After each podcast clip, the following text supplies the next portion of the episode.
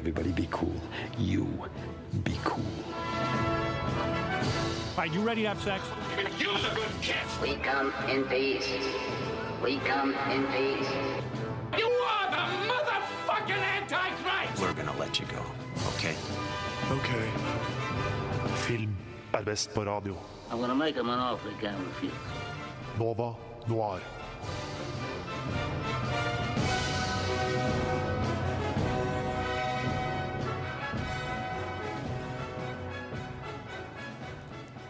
Hjertelig velkommen til eh, Nova Noir denne torsdags formiddagen her på Radio Nova. Uh, mitt navn er Adrian Holm, og jeg skal lose deg gjennom denne sendinga her med eh, rundt to timer med uh, filmprat. Og i dag skal vi ta det ned takk. Vi skal ikke snakke så mye om ukas uh, filmpremierer, vi skal ikke snakke så mye om anmeldelser og sånne ting. Vi skal kose oss og ha to lettbeinte timer med filmprat. Uh, men jeg skal ikke gjøre dette alene. Jeg har med meg to kompaner som også um, er uh, relativt filminteresserte, vil jeg si. Til min høyre side sitter Øystein Solvang. Velkommen, Øystein. Takk. Og tvers over bordet mitt her så sitter Ludvig Wiltel.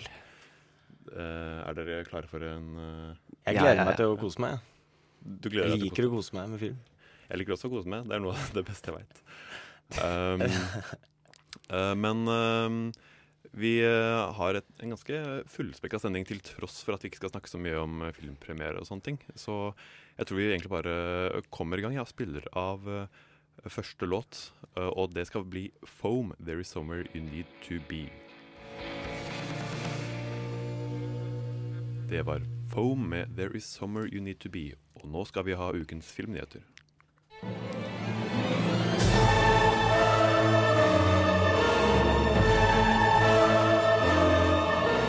Well, hello, Mr. Fancy Pants.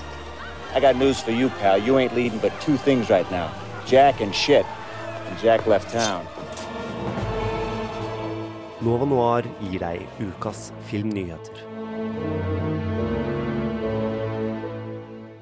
Jeg sa jo i utgangspunktet at vi ikke skulle liksom, stresse så mye med det dagsaktuelle i denne uh, sendingen i dag. Men vi skal uh, få med oss noen nyheter, for det har skjedd litt uh, kule ting siden sist vi var på lufta for en uke siden. Um, så jeg lurer på, Øystein, har du noen nyheter til oss? Jeg kan jo starte med en litt trist nyhet. Og det er at regissøren Curtis Hansen er død. 71 år gammel. Eh, han står bak storfilmer som LA Confidential og Eight Mile. En av mine favoritter. Eight Eh. Mile eller LA Confidential? Eh, Eight Mile. Stemmer. Denne Eminem-filmen. Eminem-filmen, ja. Om livet til Eminem. Det er fordi jeg Denne- relaterer meg til Eminem, da. Denne Oscar-vinnende eh, Eminem-filmen. Mm. Og LA Confidential er jo også Oscar-vinnende. Og Korrekt. Wonderboys, da. Wonderboys er en litt undervurdert film, syns jeg. Det er det. En fin sak med Downey jr. og Michael Det er det? Michael, Michael Douglas. Michael Douglas, ja. Ja. Jeg tror ikke jeg har sett den, faktisk. Nei, Nei, burde. sett den. Nei, det var trist. Han ble 71 år gammel, sa du? 71 år gammel døde av hjerteinfarkt. Ah, Eller heart attack. ja, skjønner. Det var, det var trist. Det var, eh, nå skal vi prøve å få oss litt eh, opp igjen. Har du en godnyhet eh, til oss, Ludvig? Det spørs litt på musikksmaken din, kanskje. Ok. Vi skal lage film om Nei, serie. Åtte til tidelers sak om Elvis Presley. Ok, Om Elvis, ja. Eh, Hvem eh, som østfolding, hvordan stiller du deg til Elvis? Altså, jeg, jeg, jeg tror ikke Elvis noen gang var i Østfold, så jeg har ikke noe spesielt forhold til Elvis. Det er bare Så- min, min sånn stereotypiske hjerne sier at det er en del Elvis-fans konsentrert der. Det er en del eh, Elvis coverbands. Det er det faktisk eh, i Østfold. Så du kjenner til eh, konseptet? Jeg kjenner til konseptet Elvis, og jeg liker Elvis uh, helt OK, jeg. Uh, men er det noen navn knytta til serien? Det er, jeg fant ikke noe skuespillernavn. De bare, det største greia var at de skal filme på Graceland, altså denne staten hans. Og det har aldri blitt gjort før, Hmm. eh, som, var i, som er i Memphis. Og datteren hans Priscilla har liksom gitt tommel opp til prosjektet. Mm. Og det er Harvey Weinstein produsert, så det blir sikkert noe svære greier. Ja, det Han, han pleier å få til det han vil. Uh, og det blir, blir beskrevet som en Harvey Weinstein independent-serie. Som egentlig det skjønner, Jeg skjønner ikke helt greia. Det var Men det er kult at de Ja. gjør serie ut av det, syns jeg.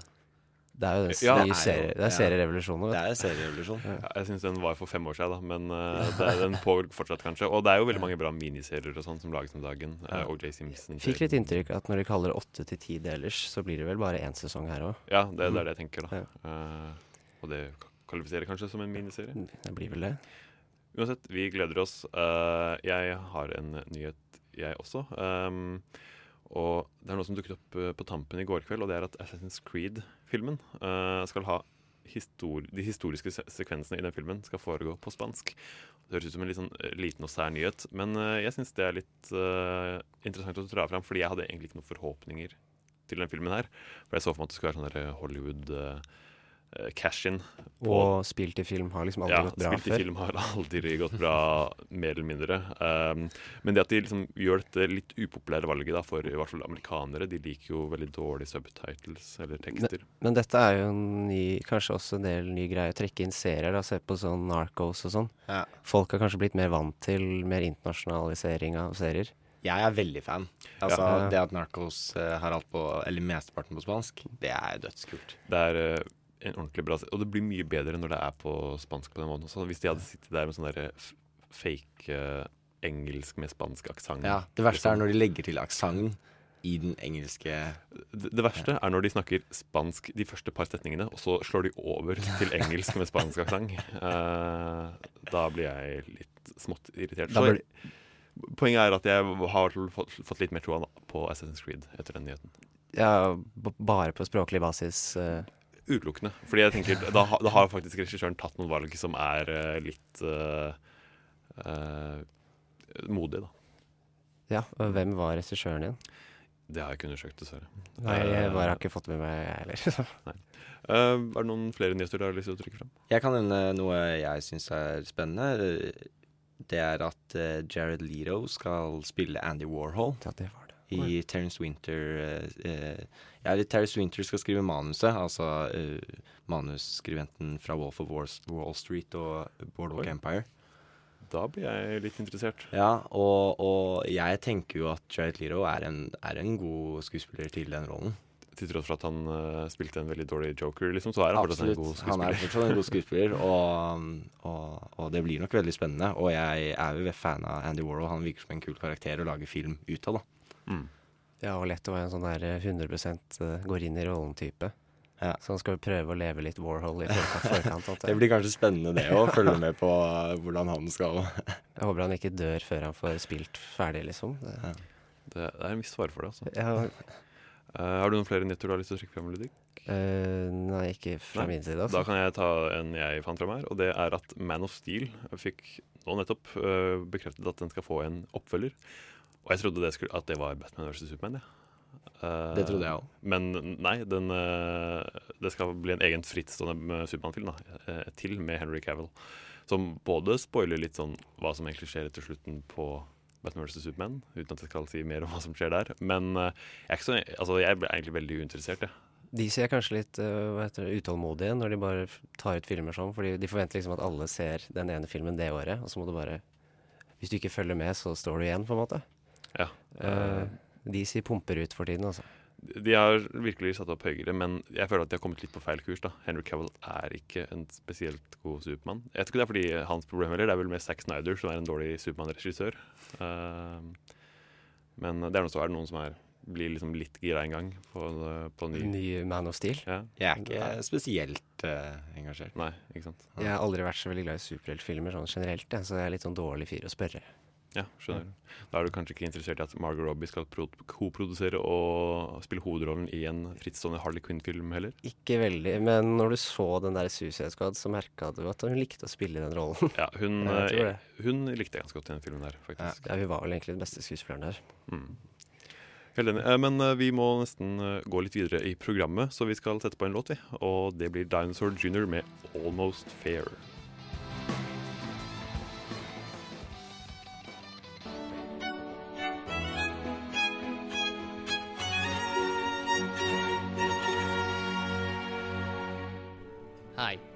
Boyd, and you're listening to Nova Noir. Stupid fat hobbit. Det var selveste Billy Boyd her som eh, loser oss inn i eh, neste, neste stikk her på Nova Noir. Um, og det vi skal snakke om nå, er eh, hva vi har sett siden sist. Um, for vi er jo uh, Vi er ikke sånne Vi sitter ikke her på radioen og bare venter til neste sending begynner når forrige sending er over. Vi går jo hjem og ser på filmer og drar på kino og sånne ting også. Så eh, Jeg trodde du skulle si at vi hadde et sosialt liv også, men vi har jo ikke det. Nei, nei, Vi nei. går jo bare og ser film. Nei, ja, det, det er jo det vi gjør. Så jeg, jeg prøvde å unngå den biten der. Ja, det var bra. Men eh, du trakk det fram allikevel, så nå føler jeg at vi er usosiale tapere. Supert. Eh, men Ludvig, har du sett noe du har lyst til å nevne? Ja, eh, på mandag så hadde jeg noen kompiser, litt sånn improvisert eh, double feature hjemme hos en kompis av meg. Eh, vi hadde den originale duoen eh, Charlie og sjokoladefabrikken fra 71. eh, Rip Gene Wilder. eh, og Kommando med Arnold Schwarzenegger. Det er to ganske forskjellige filmer. Ja. Ja, det var ganske forskjellige. ja. Mm. Uh, Charlie Sjokoladefabrikken er jo egentlig bare Charlie Sjokoladefabrikken, men jeg har ikke sett den siden på mange år, og jeg har liksom merket at han hvor creepy Willy Wonka er i den filmen. Han er sjukt creepy. Særlig den der tunnelen. Ja, og så, og så tar han på barna og- Men det var 70-tallet, da. Eh, Det var litt mer litt andre tider. Uh, men eh, Nei, kjempegodt gjensyn. Men den jeg egentlig ville prate om, var 'Kommando' med Arnold Schwarzenegger. Okay. Uh, for jeg hadde ikke sett hele, uh, merka jeg. Eh, men det er bare en sånn eh, Det er bare gøy å se han på 80-tallet, sier jeg. Ja, Sånn, det er Den klassiske Schwarzeneggeren. Og så var det litt sånn syntetisk bruk av kroppen hans i filmen, for det var opplagt at han hadde blitt betalt litt ekstra for at disse og disse scenene skulle være uten skjorte på. Ja. Eh, Så plutselig, så helt uten grunn, og ofte litt på dum måte, så havna skjorta av. F.eks. når han skulle blir møtt med hundrevis av soldater foran seg, så skal, tar han av seg klærne istedenfor å ruste seg mer opp. Så. Eh, sånne helt naturlige innfall. Ja, Arnold på 80-tallet er jo en merkevare, da. Så det, det er liksom lov Altså, du kan ikke du kan ikke liksom overstige den cheesy-grensa. Det, skal liksom, eh, det kan være så cheesy det bare vil, og du vil kose deg likevel. Ja, Men han kom unna med det, ikke sant? Ja, ja, ja. Det- Altså, han var jo Mr. Universe. Så, Ja, men da kommer du unna med alt, ikke ja, ikke sant? Og med de uh, musklene, så kanskje Jeg har ikke sett denne filmen. Er det like dårlig liksom, dialoger, Den er- monologer, som alle andre? Dialogen er vel egentlig som forventet i en Schwarzenegger-actionfilm. Ja. Men actionen var veldig bra, faktisk. Det var sånn 80-tallet, den der realistiske de prøvde på da-action. Ja, det er vel en av de mer anerkjente 80-talls actionfilmene, vil jeg si. Ja, øh, det vil jeg tro. Ja. Uh, men har dere sett noe, da, gutta? Jeg, eh, jeg har faktisk sett en jeg liker veldig godt, som jeg så veldig mye da jeg var liten. Ok. Som er uh, The Three Musketeers. Uh, oh. Men ikke den gamle Ikke den nye, men den Den med. Kiefer Sutherland og, og, og, Charlie Sheen. Charlie Sheen, ja. Og, og Tim Car Carrey, er det det? Tim Carrey, ja. Være. Jeg skulle også at jeg har sett opptil flere av disse gamle Tre musketerer-filmene, men jeg, jeg klarer aldri å plassere de sånn i hodet, hva som skjer, og hvilken som er bra, og hvilken som er dårlig. jeg på Men denne er faktisk Jeg syns den er veldig kul. Uh, og det er kult å se liksom Charlie Sheen i en sånn Ja. Han er seg selv i den filmen. han er sånn kvinnebedårer, bare han er kristen, da. Uh, Ja, han er han, ja. ja. Jeg skulle også glemmer alltid også hva de heter, de der eh, Artos og Portos og- Portos Artos og D'Artagnan eller D'Artagnan ja. husker alltid, men han er han fjerde. Nei, det er fjerde musketeren, ja. ja, Men det er er en siste eh, av de tre. Ja. Ja. Uansett. Ja, han, han fyren. Men uh, Tim Carrey eh, er jo dritkul også, som uh, atagonist. antagonist. Eh, Denne onde presten. ja, den onde, veldig onde presten. Ja, um, var, det, var det gøy? Var det bra film? Det var gøy og bra film og god underholdning. Den er liksom veldig lettbeint. Det er sånn jeg også husker den, uansett hvilken av de de er. Alle er lettbeint. Ja. Um, selv så har jeg vært på kino og sett en film for andre gang. Uh, og det er liksom ikke så ofte jeg gjør. Uh, og ser én film to ganger på kino. Jeg gjorde en del da jeg var mindre, men ikke noe lenger. Og den filmen jeg så, var Captain Fantastic. Uh, som, ikke, har noen av dere sett den? Nei? Nei, eh, jeg har veldig lyst. Den er utrolig fin og god. Uh, vi har anmeldt den her uh, på Nova Noir for et par uker siden. Men det er en film hvor Viggo Mortensen spiller uh, hovedrollen. Veldig kort sagt så er han liksom en sånn far som bor i skogen med uh, barna sine, og liksom uh, har, gir dem en veldig sånn fysisk og mental intensiv opplæring, da, så de blir veldig smarte og sterke barn, men liksom adskilt fra resten av samfunnet. da, Og så skal de liksom på en roadtrip gjennom landet. Um, og liksom kulturkrasjen der. Og det er en utrolig fin og rørende film som jeg da faktisk betalte to kinobilletter for å se. Ja, Var det liksom fordi du skulle se den med andre, eller var det du selv som jeg vil se den her to ganger? Det var, eh, Jeg skulle se den med andre, men jeg foreslo da Skal ikke se den, da. Skal ikke se den, til og med jeg hadde sett den allerede. Så det var, eh, det var initiativ fra min side. Um, så det var et veld, veldig gøy. Og dere må få sett den, faktisk. Det, det er vel en indirekte anbefaling fra deg at du ikke så den to ganger? Ja, det kan du absolutt si. Og jeg holdt på å se den tre ganger også. um, men um, takk for oppdateringen, gutter. Jeg tror vi går videre til eh, neste låt, ja, som er Jura Jacqueline med 'Coming of Age'.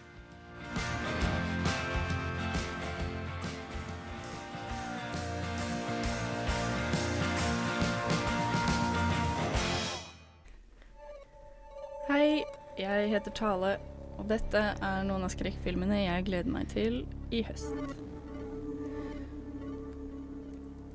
I Don't Breathe spiller Jane Levy tenåringsjenta Rocky som blir overtalt av den tøffe kjæresten sin til å bli med og rane en eldre, blind mann. De har hørt rykter om at mannen er rik, og de har lyst til å forlate byen de bor i og starte et nytt liv. Med seg på laget får Rocky også med seg bestekameraten Alex, og to ting blir snart altfor tydelig. Alex har følelser for Rocky, og den gamle mannen er definitivt ikke det lette byttet de regnet med. This guy's got at least 300K. Is he blind? That's kind of messed up to rob a blind guy, isn't it? Just because he's blind don't mean he's the same, bro. You see what I see. Dette ser ut til å bli en nervepirrende filmopplevelse, kanskje spesielt på kino. Regissør Fede Alvarez har tidligere regissert den blodige remaken av Evil Dead fra 2013, så kameraet er i gode hender. Dette kan bli en skummel og spennende film med kreativt bruk av lys og lyd, der hovedpersonene er fanget i et mørklagt hus de ikke kjenner.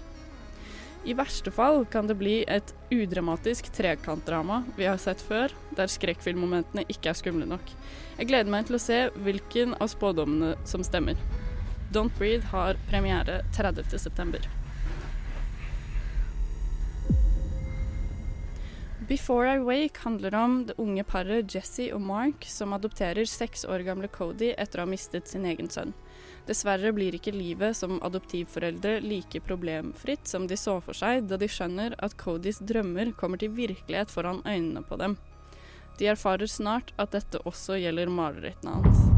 Let's Cody. Why do you have these pills, Cody? I don't like to sleep. My dreams. What happens when you dream? Jeg synes denne filmen ser spennende ut, fordi det ut ifra traileren i alle fall ser ut som et nytt take på den klassiske rollen små barn i skrekkfilmer ofte har.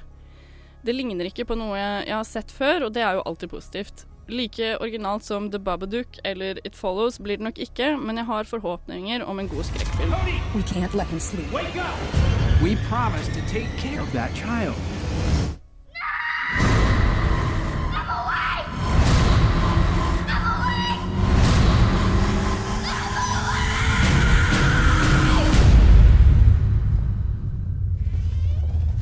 We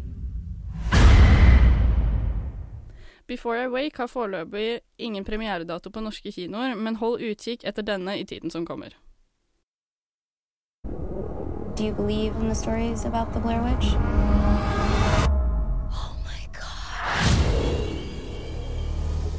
Det er 17 år siden The Blair Witch Project kom ut, og nå er det tid for en oppfølger. Blair Witch følger broren til Heather fra den første filmen, som lurer på hvor det har blitt av søsteren. What is that?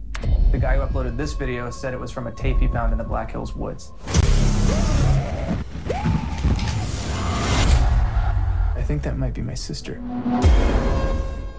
Han finner filmopptakene hennes og rekrutterer noen venner til å være med ham og dra tilbake til skogen der alt skjedde for så mange år siden. There's something out there.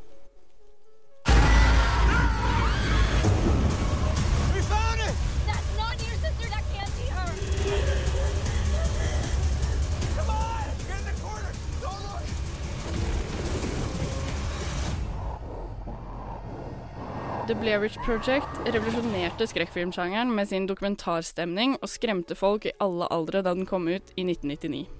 Like stort kommer det nok ikke til å bli for Blair Witch, men jeg gleder meg veldig mye for det. Den har fått gode kritikker, så vi får se hvordan det går når den har premiere den 28. oktober.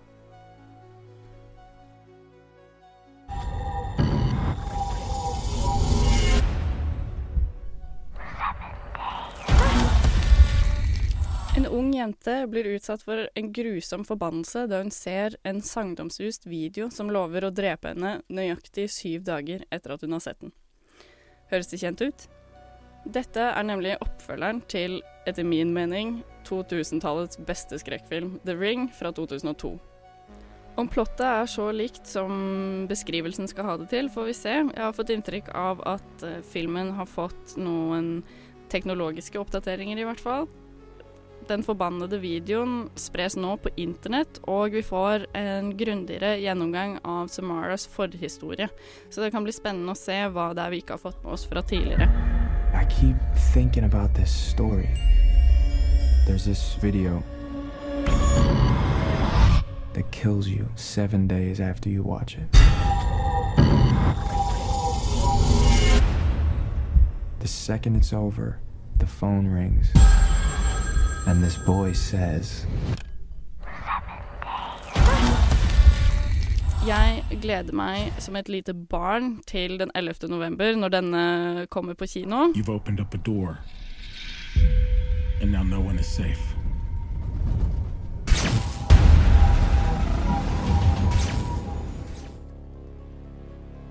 Dette er de skrekkfilmene jeg gleder meg til i tiden som kommer, og jeg håper du også fikk lyst til å se noen av dem.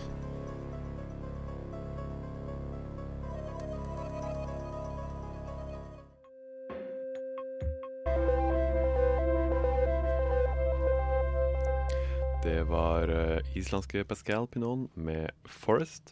Og før det hørte du et uh, innslag fra vår eh, reporter Tale, som uh, ga deg en liten oppdatering på hvilke skrekkfilmer du kan se fram til denne høsten.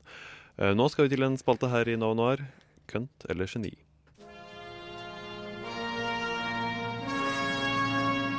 Geni eller en kønt.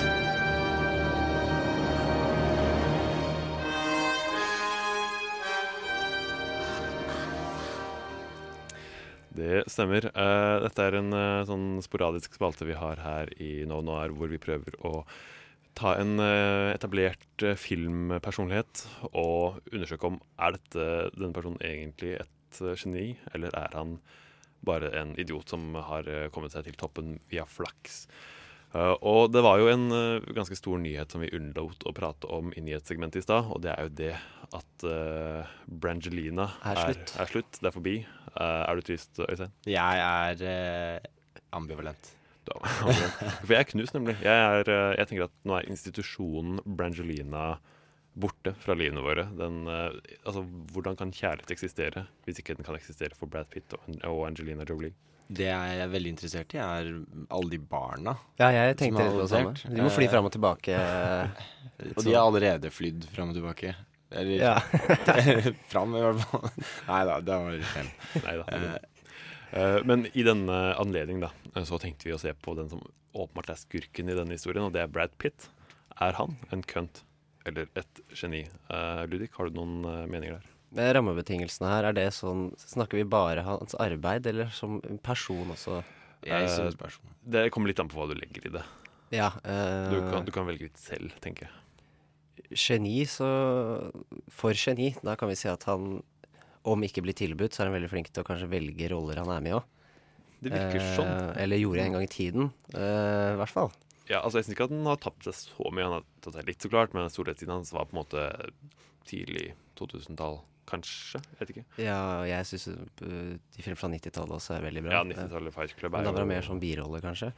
Eh, så han, han spiller jo bra, sånn sett. Eh, jeg kjenner jo han ikke, så, men så- kjenner- sånn- Det er ikke noe fint at du ikke kjenner han. Det er ikke et krav for å vurdere her. Jo, jeg, jeg, han er egentlig på Brad, men, eh, men sånn eh, på den negative siden, som er morsommere å prate om, så er det der det jeg syns er litt sånn kønt av han, det er at han produserer seg inn i sånne rare roller i sine egne filmer. Eh, da spesielt 'Twelve Years a Slave', hvor han, eh, som han liksom vant Oscar for som produsent. Der har han liksom skrevet seg inn i en sånn liten rolle som en snekker, antirasistisk snekker, i denne slavetilværelsen. Hvor han liksom For å understreke at han selv er Ja, antirasist. Hvor, hvor, han liksom skal lære denne slaven at ikke alle hvite er onde, og, og han driver og peker fingeren på han som eier den der plantasjen og sånn. det det, er- er litt sånn der Se på meg så Dette er litt Det er, det er litt kønt. Det er et ganske godt argument, eh, vil jeg si, Vittil. Hva syns du? Eh, Eh, jeg synes at det var skikkelig kønt å, å, å slå opp med Jennifer Aniston, fordi hun er veldig søt og vakker. Og, og ja, jeg likte ikke det. Han fortjener å miste Angelina. Det er, eh, det er et helt legitimt poeng. Eh, hvem- Men det var veldig kult av han å stille opp i Friends i de episodene. Har han stilt opp i Friends? Han har stilt opp i Friends Oh. som, som kjæresten til Angelina, tror jeg. Nei, Eh, til Jennifer Aniston. Dette er helt nytt for meg. Eh, det er veldig kult, faktisk. Det er, det er et sånt eh, wow-øyeblikk når han kommer gjennom døra og, og bare Ja. Fordi han var jo sammen med henne da. Ja, det skjønner jeg. Men nei, det var, hadde gått for meg hus forbi. Eh, selv så tenker jeg at han uh, spiller i bedre filmer enn han selv er god skuespiller, holdt jeg på å si. Han har spilt, han har spilt utrolig mye bra. Seven, Fight Club, Inglorious Bastards, uh, Oceans. Oceans-filmene. eh, Det er, mange, det er flere skuespillere jeg tenker som på akkurat det du sa. At de er, de er mye bedre filmer enn de er skuespillere. Ja, og jeg tenker Brad Pitt har ofte Han spiller liksom den samme personen hver, hver gang. Han spiller liksom Brad Pitt i nesten alle rollene han gjør. Han har noen unntak, men han har ganske lik personlighet ofte, syns jeg. Så han eh, er liksom ikke en Mm.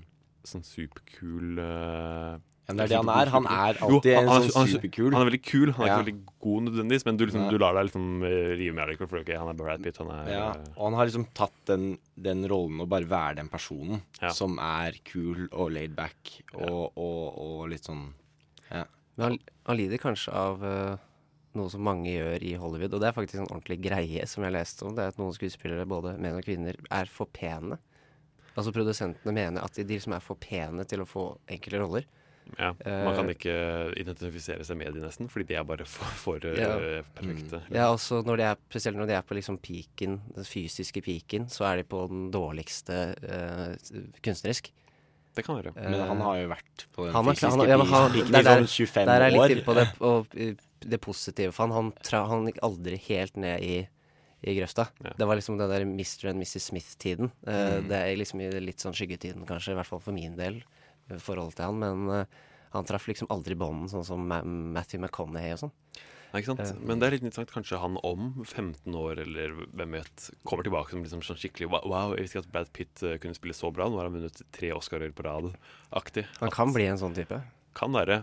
Men Han blir eh, skikkelig sånn rar, gammel mann. ja, jeg, tror, vet du, hva, jeg tror han blir litt sånn Clooney-aktig. Sånn Ja. er kul opp ut fram til han er 60, liksom. Og damebedårer fram til da også. Eh, men vi må nesten komme fram til en konklusjon. Og jeg tenker at eh, selv om han, vi har listet opp en del negative ting nå, så er det jo ikke bare Altså, Han har jo lagd, vært med på å lage veldig mange kule filmer, så vi må ta det litt inn i betraktning også. Men jeg tenker vi tar en avstemning på det, én etter én, og så uh, Så vinner den det valget med flest stemmer. Ludvig. Uh, han har hatt en tøff uke, men etter jeg har veid litt opp, så jeg går for geni, altså. Ok. Sånn 60-40, kanskje. Det er eh, helt Jeg Ja, du skal få lov til å ta den meningen. jeg. For jeg jeg har overbevist meg selv om at han er en kønt. Uh, så jeg, da er det faktisk én mot én her. En Der kønt, en. Øystein sitter med fasiten. oi, det er vanskelig, fordi jeg, jeg, jeg syns Ludvig hadde et veldig godt poeng med at han skriver seg selv inn i sånne kule roller. Men, men eh, ja, overall så syns jeg han er et geni. Han, er, ja, han, han spiller mye kult. Jeg kaster inn håndkleet. Brad Pitt er erklært et geni av Noah Noir. Eh, Gratulerer, Brad. Jeg vet at dette er en stor dag for deg, og at dette er litt deilig etter at det har gått så dårlig med Angelina. Uh, men uh, for å feire så, så kan vi jo sette på en kul låt. Dette er A Grave With No Name med Sofia. Det var A Grave With No Name og Sofia. Eh, nå skal vi eh, snakke mer om film her, faktisk, i Noen år. Yes. Tro det eller ei. Hvem skulle tro det? Det er, eh, det er det vi gjør. eh, her. Jeg var litt redd for at vi skulle snakke mer om Brad Pitt. Nei, altså det, det ville også vært å snakke om film. Eh, jeg vippa mellom å snakke om film eller litteraturhistorie, Ja. men uh, landa på film til slutt, da. Det er bra. Ja. Og det vi skal snakke om, er et tema som er litt flaut. Eh, vi er jo alle liksom, liksom filmbøffer, liker å se på oss selv som det litt, da, her i No Noir. Eh, at vi har sett mye film og kan mye om film. Men som alle andre så har vi en såkalt pile of shame. Eh, som vil si at vi har en liste filmer som vi ikke har sett, men som vi burde ha sett. Som vi føler at alle andre har sett disse filmene, liksom, men de har vi gått glipp av. Av en eller annen grunn. På en eller annen måte.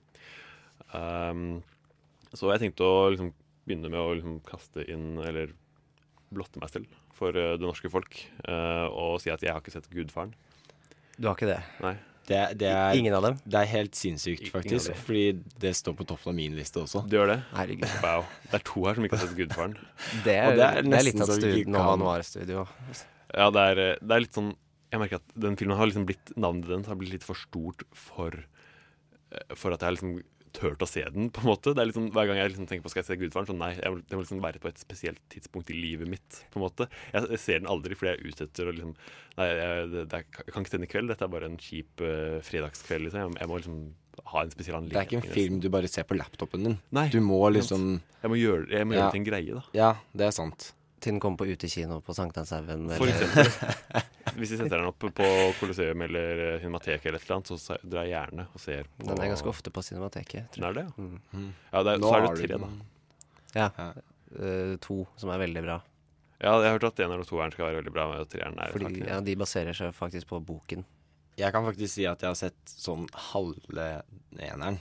Okay. Eh, men det var i en periode hvor det å se lange filmer ikke gikk for meg. Eh, Sånn ADHD-periode? Eh, ja, kanskje en ADHD-periode. Det var en ungdomsskole, videregående periode, hvor man følte at man hadde bedre ting å gjøre enn å se to og en halv time lange filmer. Jeg vet ikke hvor lang den er. Den er ganske Tre. lang. Tre timer. Jeg har inntrykk av at den er ganske lang. Og jeg, jeg eier den til og med på Blu-ray. Jeg eier samlerutgaven av uh, Gudfaren på Blu-ray, og har liksom, hvor det følger med filmmanuset til Du, Gudfaren. så du har den faktisk fysisk i en pile of shame, du? Ja, ja. Den står i, i den faktiske pile of shame på rommet mitt. Uh, så det, er, det er nok min aller største skam. Jeg har flere, men uh, Øystein, du nevnte også Gudfaren. Har du noen flere på den listen? Uh, ja, vi nevnte jo Brad Pitt tidligere i dag. Jeg har ikke sett Fight Club. Det ble mer Brad Pitt. Brad Pitt Det er nesten eh, ikke, ikke, Jeg vil ikke si Jeg vil ikke si at det er verre. Men det er mer overraskende, fordi det er liksom Ja. en film som alle har sett. For vår generasjon Ja. her, så vil jeg si det er eh, rarere, Ja, det, faktisk. det det, Og- det vil si. Og det er også en sånn film fordi jeg skulle se den, men så tror jeg vi fikk en litt sånn dårlig kopi hjemme når vi leide den, så vi fikk den i svart-hvitt, fordi den er ikke svart-hvitt. Nei, Nei, den har, den har den noen sekvenser i svart-hvitt? Den har noen i veldig svake farger, men Ja. det er minimalt i så fall. Det er ikke en svart-hvitt-film. Ja, Men vi fikk den i hvert fall i ren svart-hvitt, da. Okay. Og da. Og da var jeg litt sånn Var det en sånn kinesisk det- bootleg utlegg eller noe sånt? Jo, det kan faktisk hende at det var en kinesisk bootleg. Det var noen som hadde vært i Kina og kjøpt den med seg. Eh, og så var det liksom sånn ah, Kult, vi skal se Fight Club. Og så var den i svart-hvitt, og så ble det sånn Nei, det gidder vi ikke. Spesielt. Og Eh. det har aldri dukket opp noen situasjon hvor du har eh, kunnet se den filmen? liksom? Uh, nei, egentlig ikke ettertid, fordi det, det er jo en sånn film alle har sett. Så ingen, Ja, ja. ingen tar frem den alltid. Uh, men jeg har sett slutten. Ja, uh, fordi jeg har kommet inn i rommet til Ja, pappa hadde sett på den, og så, Ok. og så har jeg Så du vet det som skjer, på en måte? Jeg husker en scene med en stol i et stort rom. Okay. Eh, og noe og krangling om noe jeg ikke skjønte hva var. Ja, for det er jo en film som er veldig god hvis du ikke vet hva som skjer, eller husker. Ja, eh, ja så jeg kommer til Jeg må jo se den. Uh, den er jo i Pile of Shame. Så. Og du har, du har den faktisk fysisk, du også? Ja, jeg, ikke jeg, men vi har den jo i den kinesiske bootleg eh, svart-hvitt-versjonen. Jeg har den på Blu-ray i tilfelle du har lyst til å låne den. Ja, gang, nice. så- Jeg har ikke Blu-ray-spiller, da. Men, eh, Merkelig at den er i svart-hvitt når det er bootlegga. Ja, det er veldig mystisk. Du må ta den med så, på neste Ja, versjon, så det- jeg sett på den. det må jo. Sagnomsust eh, svart-hvitt. eh, Kanskje den er bedre da. Ma- Mad Max blir jo, har en svart-hvit utgave. Den nye Ja, Fury Road. Eh, har du noe du vil trekke fram, Ludvig? eh, ja, du nevnte nettopp Mad Max. Eh, den har jeg ikke sett, den originale.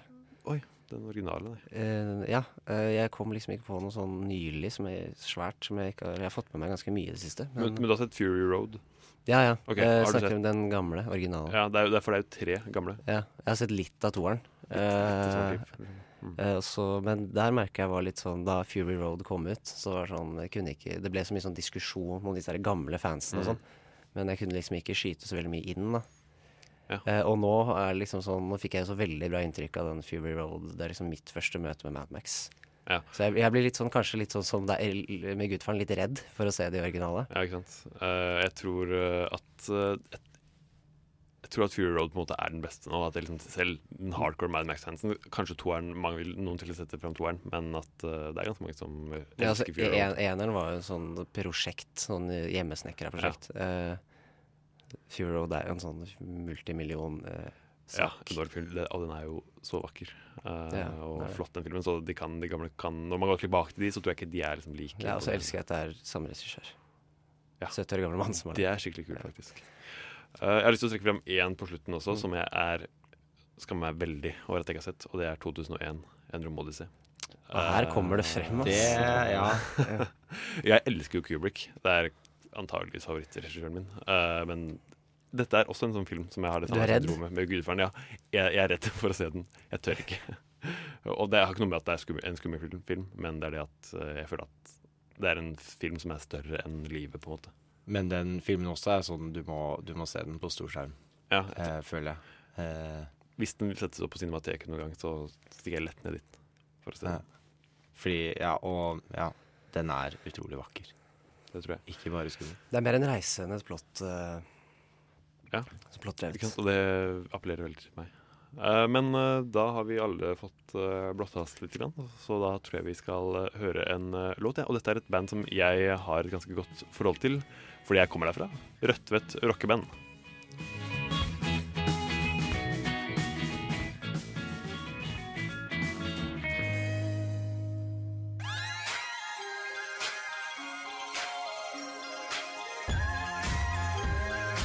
Radio Nova FM 99,3 og radionova.no.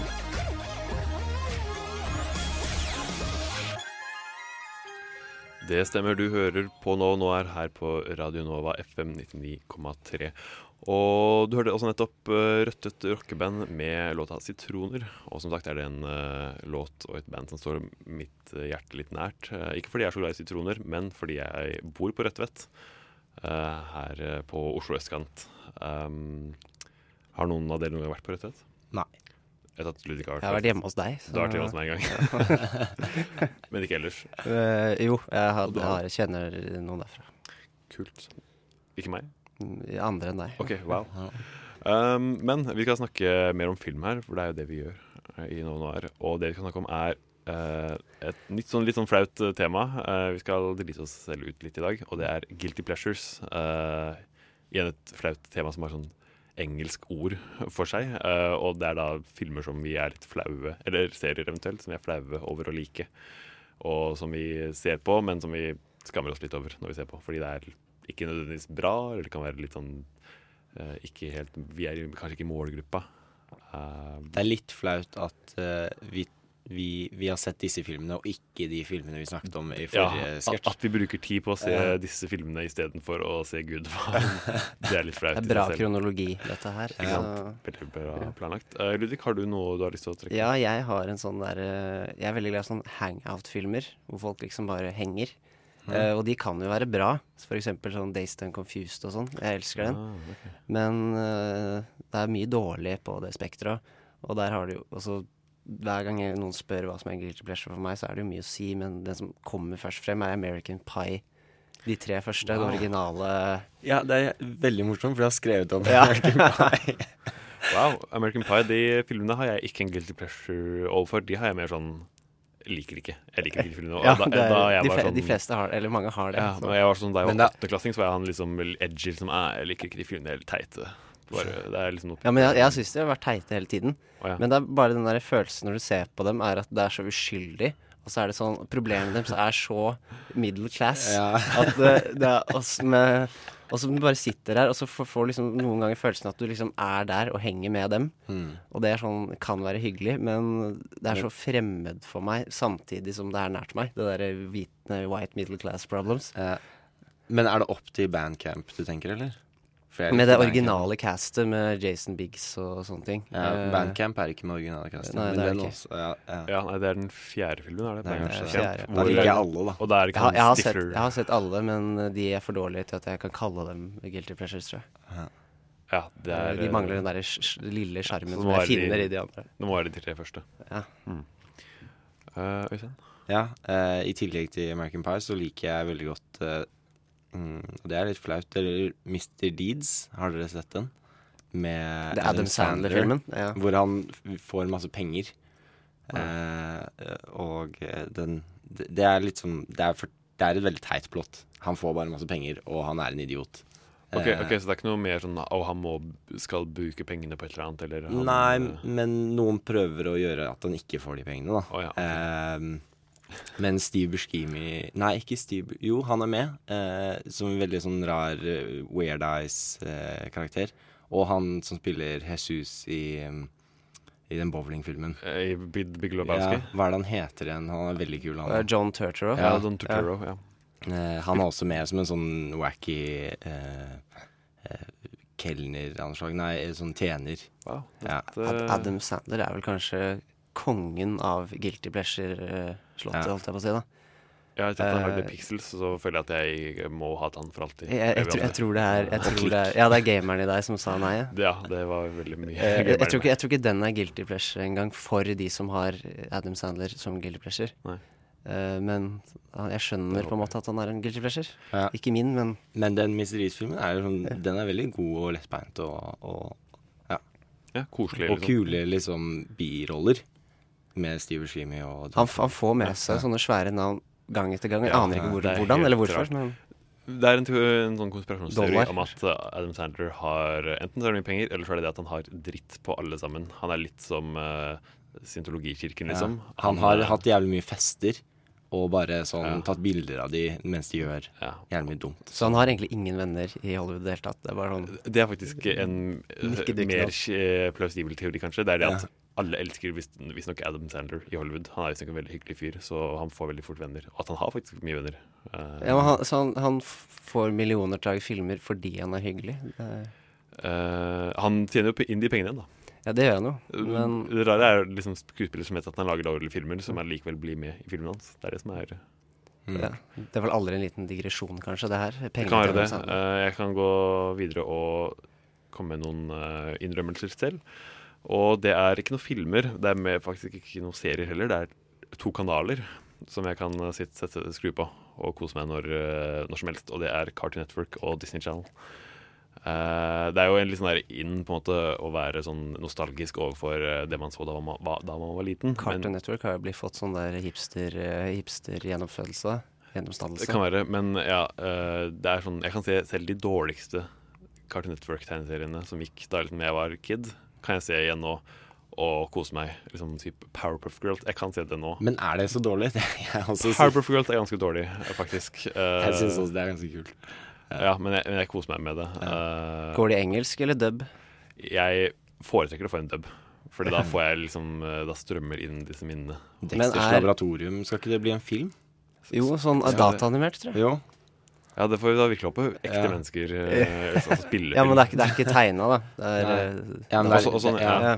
Ok, fordi ja, Dexter Laboratorium er konge. Og Eddie og Eddie er en av mine favorittserier Det, liten. Det kan jeg se når som helst. Johnny De går jo innenfor den uh, hangout-sjangeren din. Ja, Mm. det, det, det, det var en hangout-serie. Mm. Men ja, ingen skam der. Jeg kan se de mest jentete Carter Network og Disney Channel-seriene. Og Hannah Montana. jeg har ikke sett det på en stund, men jeg kan sikkert skru på det også. Ja. Men det er nostalgi møter guilty pleasure. De, Det- det er de er liksom der, sammen, men kan være separert Ja. òg. Og det, det er litt flaut også, da. Bare å ha så mye nostalgi at du, og sånn skamløs nostalgi. Tenker jeg at Barndommen min var så kul at jeg vil bare gjenoppleve den når som helst. Det er et veldig deilig, naturlig dop, da. Nostalgi. Ja, det er Det er sant. Eh, men uh, nå skal vi over til en låt igjen. Vi skal høre en spansk liten rakker. Dette er Radio Capital og La Vida Bohem.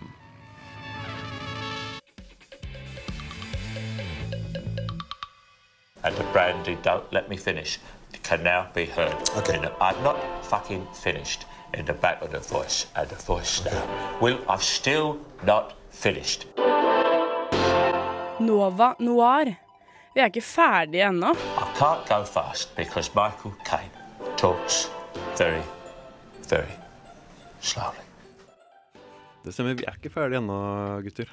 Eh, Vi har fortsatt eh, en, nesten en time igjen her av sendinga. Eh, Vi beveger oss nå inn i time to eh, her i Nova Noir på Radio Nova. Eh, Og nå skal vi ha en aldeles liten quiz, vi. Og det blir, blir litt spennende, fordi dere vet ikke hva denne quizen skal gå ut på. Det gjør vi ikke. Nei. Og jeg er veldig, veldig spent. Og veldig gira. Er du også spent, Ludvig? Ja, ja, for det, det er jo ikke noe, det er jo ikke noe radiotriks heller. Vi vet det faktisk ikke. Nei, det er riktig. Og veldig autentisk radio når dere faktisk ikke Ja. vet svarene på quizen.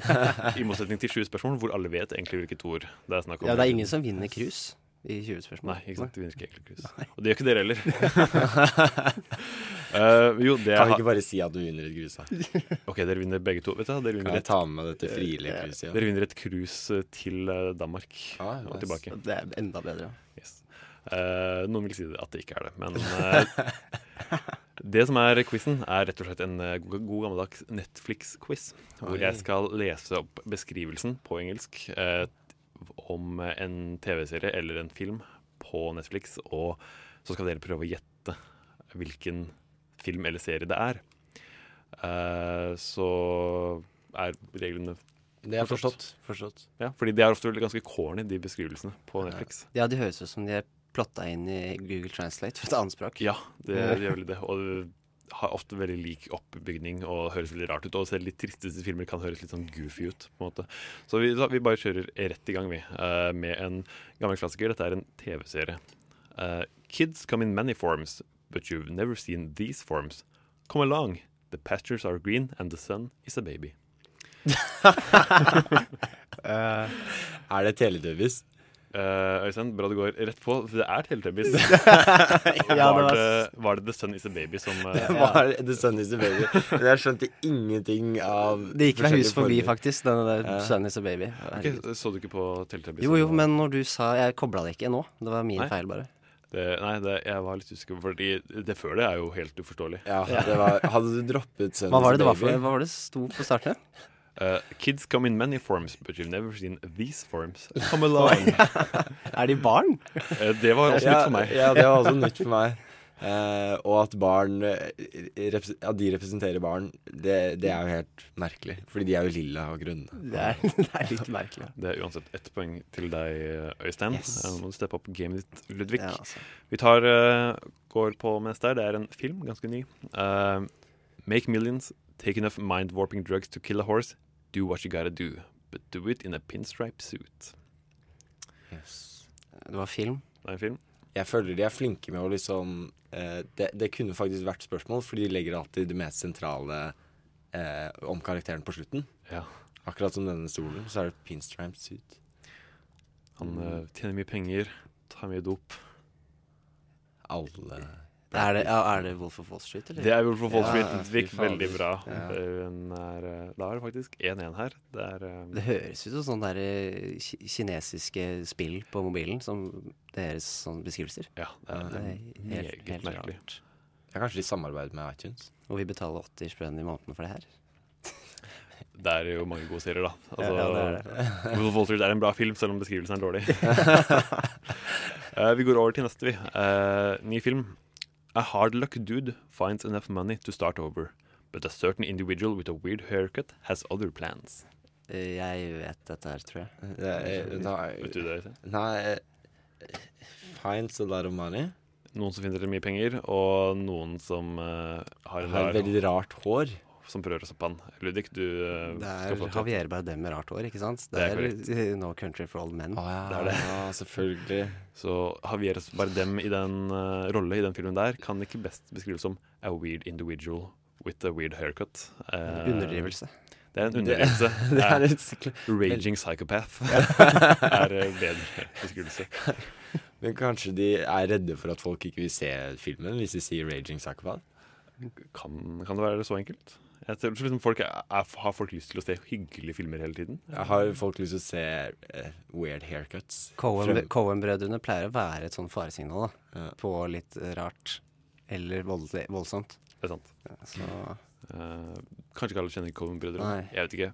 Uh, neste regissører er faktisk også et, to personer, eh, og det er en film vi skal til. Eh, vi kjører i gang. He has a strong message for the government. Sending it is all he ever cared about. Until she came along. Ok, Den er- var dette nytt? Eh, Den er forholdsvis ny. Jeg kan si år til og med. 2005. Mm, og han har en sterk Beskjed til, beskjed eh, til myndighetene. myndighetene. Men så kommer hun. Så kommer hun og ødelegger litt av planene. Eller fikser de, hvem vet. Ja. Er, er Brad Pitt med her? Nei. Det, jeg lurte på sånn Mr. og Mrs. Smith-greier her nå. Hugo Weaving er med. Å ja. Oh, ja. ja. Da er det jo, da er det jo V for Vendetta. Det er V for Vendetta, Ah, faktisk. Selvfølgelig. Uh, It's a strong message. Han har absolutt en sterk beskjed. Det, men dette her høres ut som en sånn eh, romantisk komedie. Ja, for det- det er jo ikke det i det hele tatt. along, Ja. liksom. Det er det som gjør Netflix-beskrivelser så utrolig flotte. Eh, vi skal innom en kjapp serie til slutten, selv om du leder 3-1, Ludvig. Men vi kjører på med en til. Uh, Love, laughter and the best friends you could ask for. Just like real life. Friends. But with really nice apartments. det er Yes. riktig, Øystein. Det var Friends. Jeg tenkte vi måtte innom den ettersom vi snakket om Brangelina i dag. Og Brad Pitt, som har spilt i denne serien. Ja. Du har du sett mye på Friends på Netflix? Eh, ja Nei, jeg har sett mest på TV. Men nå har jeg ikke TV lenger. Så, men ja. For her var jo tittelen i beskrivelsen, så jeg syns Ja. det var litt uh, ødeleggende. Ja. Uansett så vil vi gratulere Ludvig med seieren. Han vant tre mot to. Det er dagens høydepunkt. Kan jeg bli med på det krysset? Ja, ja. Ja, du vinner et krus for to, så du kan ta med deg. Øystein hvis du vil det. I den dårligste kabinen i kjelleren på danskebåten, ikke sant? Jepp. Ja. Helt i kjelleren. Uh, men eh, da går vi videre til en låt, vi. Og nå skal vi høre litt uh, elektronisk chiptune-musikk. Dette er Savant og Melody Circus.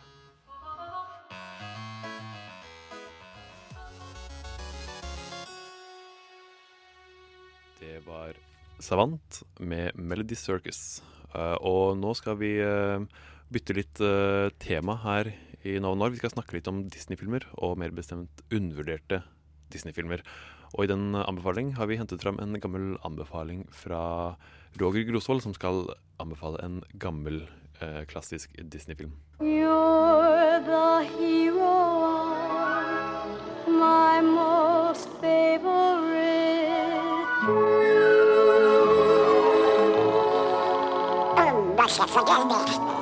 jeg vokste opp på 80-tallet, var de kuleste barnebursdagene hos venner, hvor man hadde VHS-spiller i stua, slik at når pølser, brus og boller var fortært, så samlet vi oss foran TV-en, hvor Disneys tegnefilmer var en populær gjenganger. Right pocket, you'll find the key. The right pocket, go carefully. Blant de første filmene jeg så, var Fun and Fancy Free, eller Gøy og gammen som den heter på norsk, som starter med en søt tegnefilm om den lille sirkusbjørnen Bongo som drømmer om å leve et liv i frihet sammen med andre bjørner.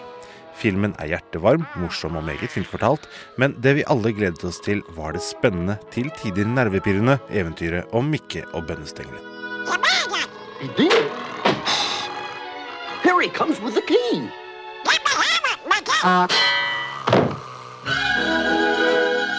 Livet er herlig i Happy Valley, hvor en magisk harpe bringer liv og overflod til dalen med sin vakre sang.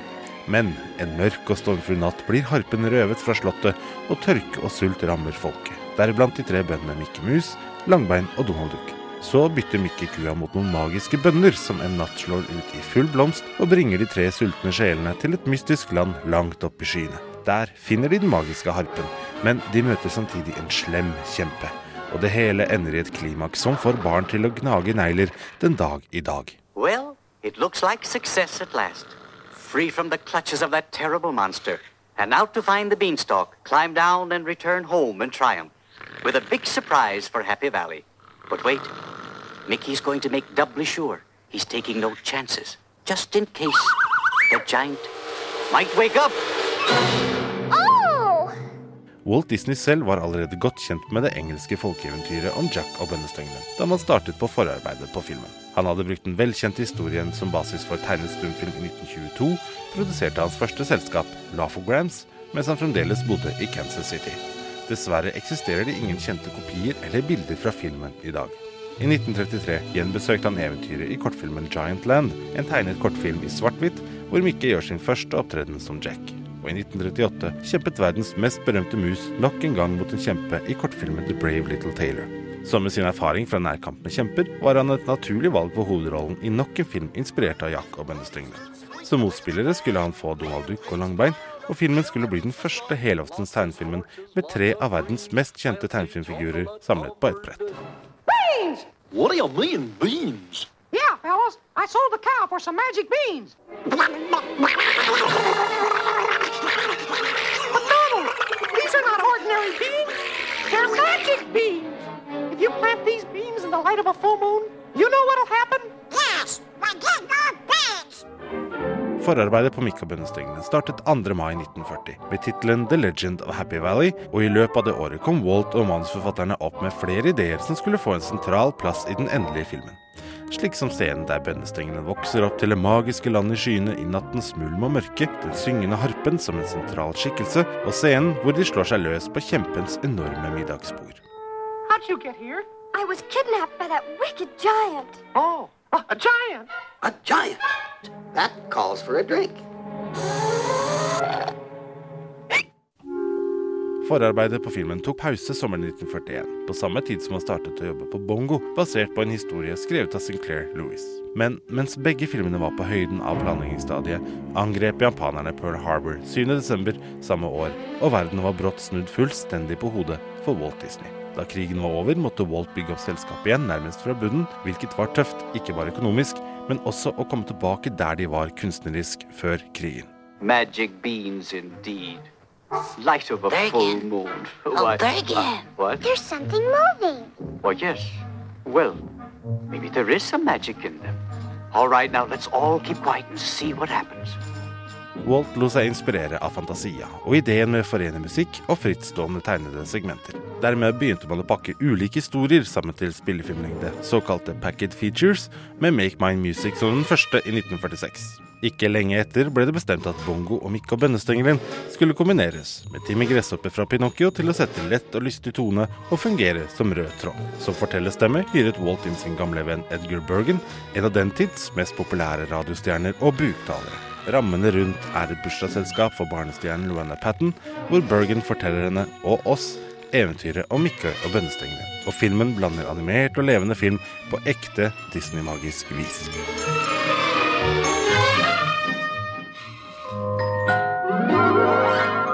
Fan Fancy Free fikk sin urpremiere 27.9.1947, og for et krigstrøtt kinopublikum var den en forfriskende miks av energi, humor og latter, lystige sanger, eventyr og ikke minst et etterlengtet gjensyn med kjente og kjære karakterer. Pakkeproduksjoner som Fan Fancy Free holdt Disney-magien i live, og med disse filmene bygget selskapet opp mannskapet, økonomien og kreativ styrke, inntil de var tilbake på full høyde med Askepott i 1950 og kunne produsere en ny rekke med helaftens tegnede enkelthistorier.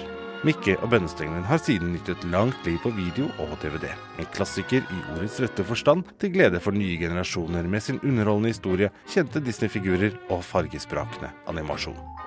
Now for the magic wordies. Fee, fi, fo, fum. Hee, hi, ho, hum. I'm a most amazing guy. Tee, tie, tee, tie, tee, tie. You sure you don't want a pink bunny?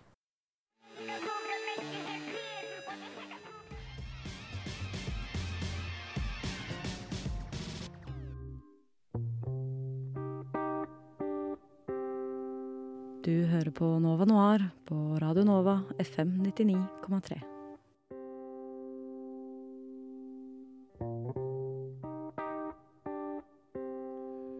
Det gjør du, og nå skal vi eh, fortsette litt på temaet tema som eh, Roger startet eh, før låta her, med Ratboy og Move, var det vi hørte.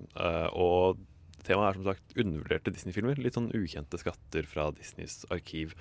Og da begrenser vi oss til filmer som Disney selv har produsert eller uh, skapt, og det må være animasjonsfilmer. Uh, så enten fra da Disney Animation Studios eller Disney Toon Studios, som er liksom lillebroren da i Disney-konsernet. Uh, jeg regner med at alle her liker Disney-filmer. Det gjør vi. Eller Ja, jeg jeg har vel sett de fleste. Ja, jeg har sett Jeg tror jeg har sett nesten alle, bortsett fra liksom de som kommer liksom rundt 40-tallet, som er veldig ukjente, sånn type eh, Sound of uh, Music ja, Det er ikke den heter. Men det er, det Saludos Amigos Saludos sånn. Amigos, de der. Ja, de som skikkelig gamle, litt rare. Eh, men ja, jeg har et veldig nært forhold til Disney. og har uh, sett de fleste av de, men det er jo en del som eh, ikke, er, eh, ikke får den anerkjennelsen det fortjener, kanskje. da, Det syns vi. Eh, så vi tenkte å trekke fram noen kjøleskatter som du kan eh, ta og se med noen nå i helgen. Eh, Ludvig, har du noen du har lyst til å? Eh, Ja, vi kan starte i sånn starten av den der etter 90-tallsperioden. Så kommer den Sjørøverplaneten. Ja. Har du sett den? Den har jeg Den har jeg sett. Den, den, den eh, Er ikke den basert på eh, en, annen, en bok? Den er, det er basert på Den god gamle Treasure Island. Treasure Denne Island, ja. eldgamle boka om liksom pirat-gullalderen, da. Nå må jeg innrømme at jeg er litt uvitende rundt den. Er den i samme setting? Er det sånn pirat møter eh, sci-fi, eller er den Nei, den er pirat uh, drar ut for å finne en skatt. Det er pirat, pirat, Ja, pirat, så det, ja. det er på en måte en løst basert sci-fi-versjon av den gamle Ja. klassikerboka, da. Men den filmen i alle fall, den liker jeg veldig godt. Og den, fikk, den floppa økonomisk, tror jeg. Ja, Og den har litt sånn lunka kritikk. Men jeg er på den camp eh, tommel opp. Ja. Eh, fordi jeg bare Det er liksom den, Jeg syns den bare er kul. Altså Det er kult premiss. Og jeg likte Mm. det, og så var den liksom så rå i, i 2002, da. Mm. Her kan det være nostalgibrillene som prater, for jeg var ni år gammel. Ja. Eh, men eh, Men det er noe med den ehm, eh, Hva heter det når det er sånn mekanisk eh, eller Steampunk. Ja, litt sånn steampunk-aktig Mm. stilen. Og så husker jeg en av mine yndlingszoomer av alle ting i hele verden er når de introduserer den derre månen. Og så zoomer de sakte Mm. inn, så ser du at det er, det er en by, ikke en måne. Som er Ah. formet som en sånn halvmåne. Ja, halv, for det, det er litt er kult, at det er en halvmåne som Ja. er en by, på en måte. Så månen som er en halvmåne, er på en måte en by. Det er ikke en full sirkel, men bare halvmåne. Det er et skikkelig kult shot, faktisk. Ja, det er det. Eh, nei, så jeg er helt enig. The Treasure Planet, eller Sjørøverplaneten, er ordentlig kul. Veldig vakker visuell. Uh, litt sånn uh, quirky, kule karakterer og sånne ting. Uh, litt jeg, tror, jeg tror den har, den har litt sånn kultfølgelse, tror jeg. Men som sagt, den, tjent, den tapte masse millioner på Box Office, så det var jo en fiasko. Og dette her kule surfebrett, Ja. til hovedkarakteren. Oh. Det er skikkelig kult. Hadde lyst på et sånt, ikke sant, og du var ni år gammel. Og, ja, da, og, kunne, jo og kunne puste, liksom, og kunne puste men, ut i rommet og sånn. Det er også en ja. Eh, Øystein, har du noen du har lyst til å trekke fram? Eh, jeg kan jo trekke frem da The Black Cauldron. Ja. Eh, som Den er, en, den er jo mye eldre. Den er, Eh, ja, den fra, fra 50-tallet nesten? Er den så gammel? Er det ikke 60? Nei, mener du ta, 70? Tara og sorte gryte? Ja. Den er fra 80-tallet. Den er fra 80-tallet, ja. Nå eh, Jeg jeg ble litt skeptisk. Jo, den er faktisk fra 85. Ja, er jeg sånn trodde den var en av de sånn skikkelig gamle. Men nei, da hadde det lett. Ja, fordi det, det jeg husker med den filmen, var at den var under utvikling skikkelig lenge. Som Ja. Åtte år eller et eller annet sånt. Men det var jo eh, Disneys mørkeperiode, kan du si. Altså det det Ja. var hvor de ikke lagde så mye musikaler og familiefilmer. Den kom og, ut på 80-tallet, det liksom tiåret hvor unger ble behandla litt mye som voksne. Ja, okay. Så de, Ja. det var mye hardere temaer og sånn. Tematikk. Ja, og Disney hadde jo ikke en særlig god periode da, egentlig. Den Disney-renessansen kom jo på 90-tallet med Den lille havfruen og Hercules og Aladdin og alle de der. Men uh, The Black Holder var liksom et av mange mindre suksessfulle Mm. filmer da, for Disney. Uh, og den kosta veldig mye fordi den tok så lang tid å lage også. Men, floppa, gjorde den ikke det? Ja, den floppa totalt. Uh, og, men den er jo utrolig mørk og skummel, rett og slett. Den er så skummel. Den er Jeg holdt på å Og det er noen skyggemonstre der som er bare helt Det er veldig, veldig kult produsert. Eh, eller veldig kult laget sånn hvor skumle de er, da. Ja. Det minner meg litt om den første Ringenes herre-animasjonsfilmen. Ja, den er creepy. Ja, Ja, det, Det- ja, for det er litt den tegnestilen der til Ja. han eh, Bakshi som Ja. lagde den. Eh, Men den har jo også en sånn Jar Jar Binks-karakter Ja, som Gurgi. Ja, som er helt Den er litt for slitsom, den karakteren, men, men det passer jo.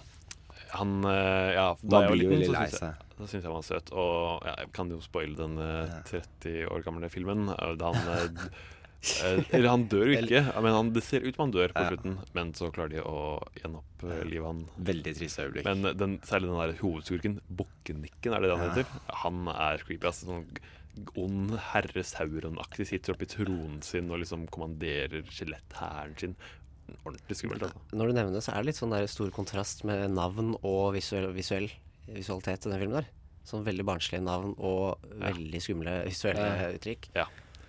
Eh, men en sånn kul litt sånn, eh, liksom, Det ga meg liksom en forsmak på hele den Ringens herre-greia, da, føler jeg. Fordi det er liksom et lite team med unge folk. Eh, Han eh, Eilo- Eilo- Eilonwy heter jo hun prinsessa, og Taran heter jo han gutten. Ja. Og Megurgi og liksom så litt folk folk Og til. hun prinsessa er søt, altså. Hun er søt. Hun er sånn veldig sjarmerende. Sånn Ja. Og hun er litt sånn kul også. Har bein i nesa. Ja, hun har bein i nesa. Mm. Så, og de drar liksom ut på et eventyr og skal finne The, the Black Cauldron. Liksom. Ja. Veldig sånn episk oppdrag, da. uh, episk er ikke et bra ord å bruke, men uansett veldig kul og undervurdert film, altså. uh, jeg har også tenkt til å trekke fram uh, en film fra Disney Tune Studios. um, som er Goofy Movie, Ja, eh, eller den- en langbeint film. Det er altså en ordentlig god gammel eh, klassiker. Altså, Den har nok fått en del litt mer kanskje rap enn de andre filmene vi har nevnt her. Men uh, er nok en litt oversett Disney-film sånn egentlig. Det jeg elsker med den, er at hvordan langbein blir fremstilt et helt annet lys. Ja, veldig annerledes. Og hvor langt de klarer å dra ut hvor trist det er. Altså, jeg, vil si at, Ja. jeg vil si at to tredjedeler i hvert fall er trist. Ja, ja. Det er en utrolig tragisk og trist film, altså. Ja, det er det. Jeg husker spesielt et øyeblikk hvor han ligger i en elv eller noe. Er- De, Stemmer det? de sitter på bilen eller noe sånt i elva fordi de har krangla, Ja. og så har de kjørt av veien eller noe sånt. Men så blir de venner. Ja, det er på elva at de blir venner, og de Ja. synger den der utrolig sjarmerende og rørende sangen til hverandre på elva. Uh, som Og det er sånn Grand Canyon Fordi Ja. de drar på en roadtrip Ja, sammen. og faren, Langbein, vil dra på, dra til, uh, på fisketur et annet sted. Og Max, som han heter, av barnet til Langbein, for det er en sånn far-sønn-film. Han vil dra på en sånn kul konsert og vise for uh, Roxanne, hans store kjærlighet, at han er kul. Liksom. Ja. Så Han er jævlig god til å skate. Ja, han er kul, kul som kul skate-kid med den teite faren, liksom. Og har, gjør liksom opprør mot faren sin, men de blir jo venner til slutt. da. Det er sånn film hvor uh, voksen, voksen møter barn i tematikk. Fordi innledningsvis så havner jo Max i trøbbel fordi han, han kler seg ut som denne stjernen, popstjernen, og så har han sånn Mm. show foran hele skolen som er liksom improvisert, men det er veldig imponerende. Ja, ja. Og så kommer rektoren og syns ikke noe om det. Og så ringer han til Langbein, og så truer han at, uh, med elektrisk stol og sånn. Ja, det er han truer med en Og det, elektrisk jeg, stol. jeg, jeg så Goofy Movie på Disney Channel for sånn to år siden. Den, den er sensurert. Er De det har klippa bort elektrisk stol nå. Det er helt Ja. sinnssykt. Wow. ok, Da skal jeg kjøpe den på Blu-ray og se den Ja. uh, Med elektrisk uncut. Directors uncut eh, version, må jeg si. Um, uansett, veldig god film vi har nevnt her nå. Vi kan komme litt tilbake til dette her eh, i neste stikk også, men nå skal vi høre en låt. Dette er Erika Badu, 'Times A Wastin'.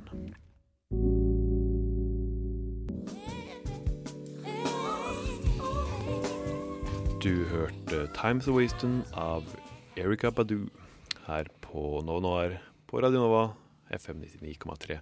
Og vi nærmer oss eh, slutten nå eh, på sendinga her. Men vi har et eh, lite est oppi ermet, om du vil, og det er å fortsette den Disney-praten vår fra i stad. For vi kunne egentlig sitte her nesten en hel sending før det og pratet om Vi kunne egentlig gjort det. Ramset opp bare disse lite ukjente Disney-filmene. Ja, ikke sant. Eh, for jeg har, ganske, jeg har en ganske lang liste, egentlig, som jeg gjerne skulle gått gjennom. Men vi tar oss noen minutter på tampen her for å ta de ypperste eh, av de ypperste av de mindre kjente Disney-filmene. Eh, Øystein? Ja. Eh, en jeg vil trekke frem, og spesielt pga. én karakter i denne filmen, er Atlantis.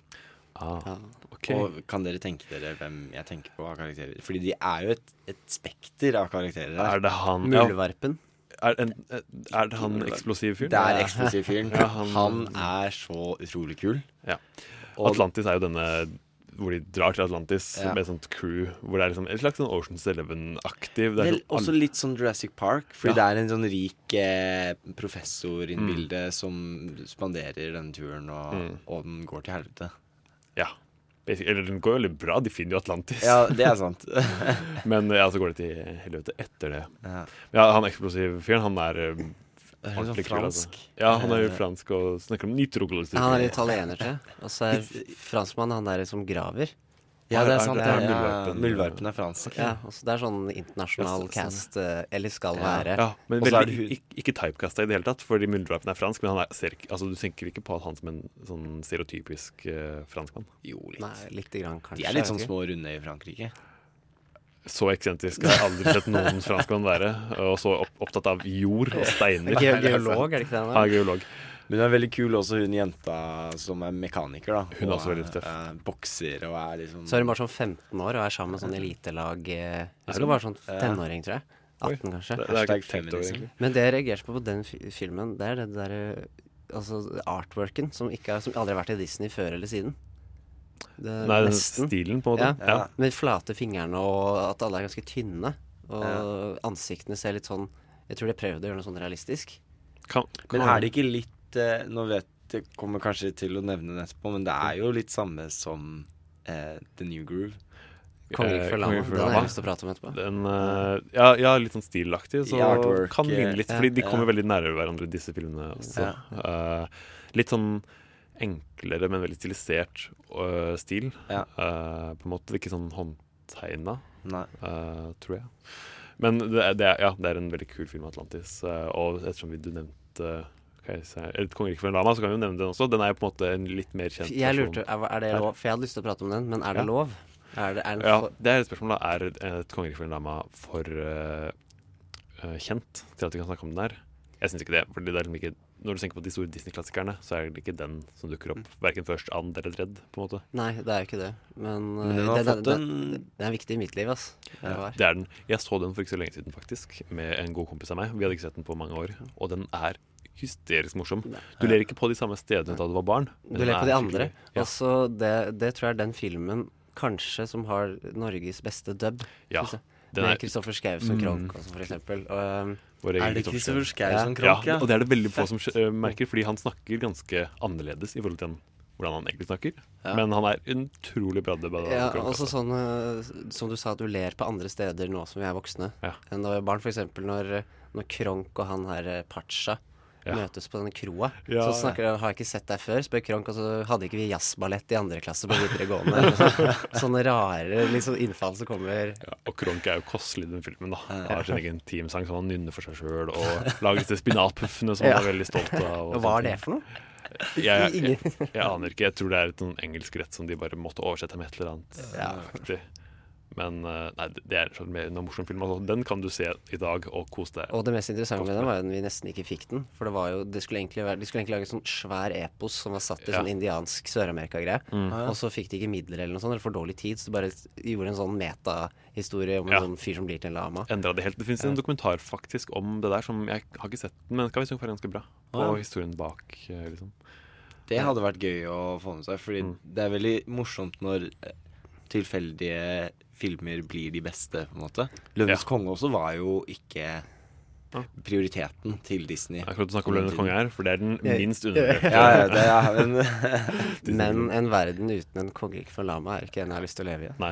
Det kan være at jeg slenger på både Atlantis og Et kongerike for en lama når jeg kommer hjem i dag, faktisk. Ja. Det, Det hørtes ut som en god idé, altså. I stedet for Gudfaren og det, blir, det blir tre timer, de to, da. Altså, ja, ja, ja. Det er god, eh, god uh, torsdagskveld, det.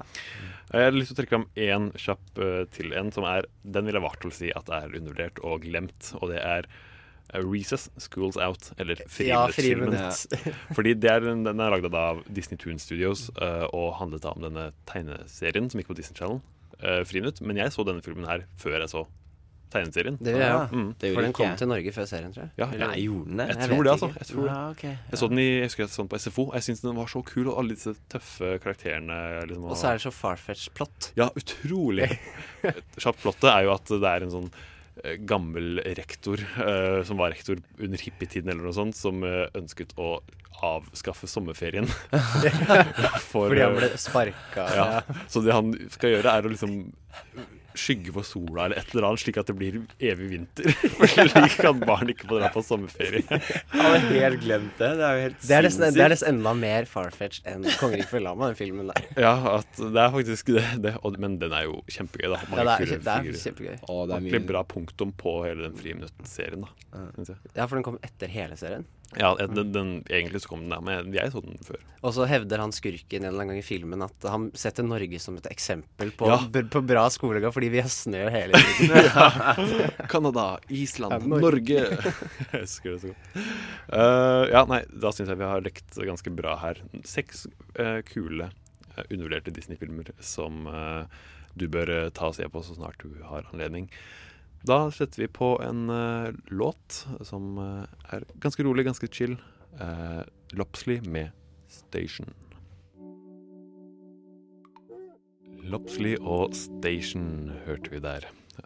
Og det betyr at vi er straks ferdige her i Nova Noir på Radio Nova. Og vi har vært innom to timer med prat om film. Har du kost deg, Ludvig? Det har, jeg har kost meg veldig. Sjelden vi prater så løst og lå så fast samtidig her. Ja, det har Eh, vært uh, som sagt ganske lite sånn uh, anmeldelser og, og film eh, Veldig aktu aktualit Ja. eh, Nettopp. Og da, da er det egentlig bare å prate om hva som har vært. Det har vi, og vi har etablert at eh, Brad Pitt er en kønt. Nei, nei, geni. geni. Beklager. Han er et geni. Det var din agenda. Ja, jeg prøvde bare å overkjøre dere her. Dere stemmer mot min. Uh, Brad Pitt er et geni. Uh, vi har uh, hørt om ukens, eller høstens skrekkfilmer. Vi har kommet litt med våre egne pile of shames og guilty pleasures, altså hva slags filmer vi skammer oss over å like, og hvilke som vi skammer oss over å ikke ha sett. Og så har vi kost oss litt med prat om undervurderte Disney-filmer.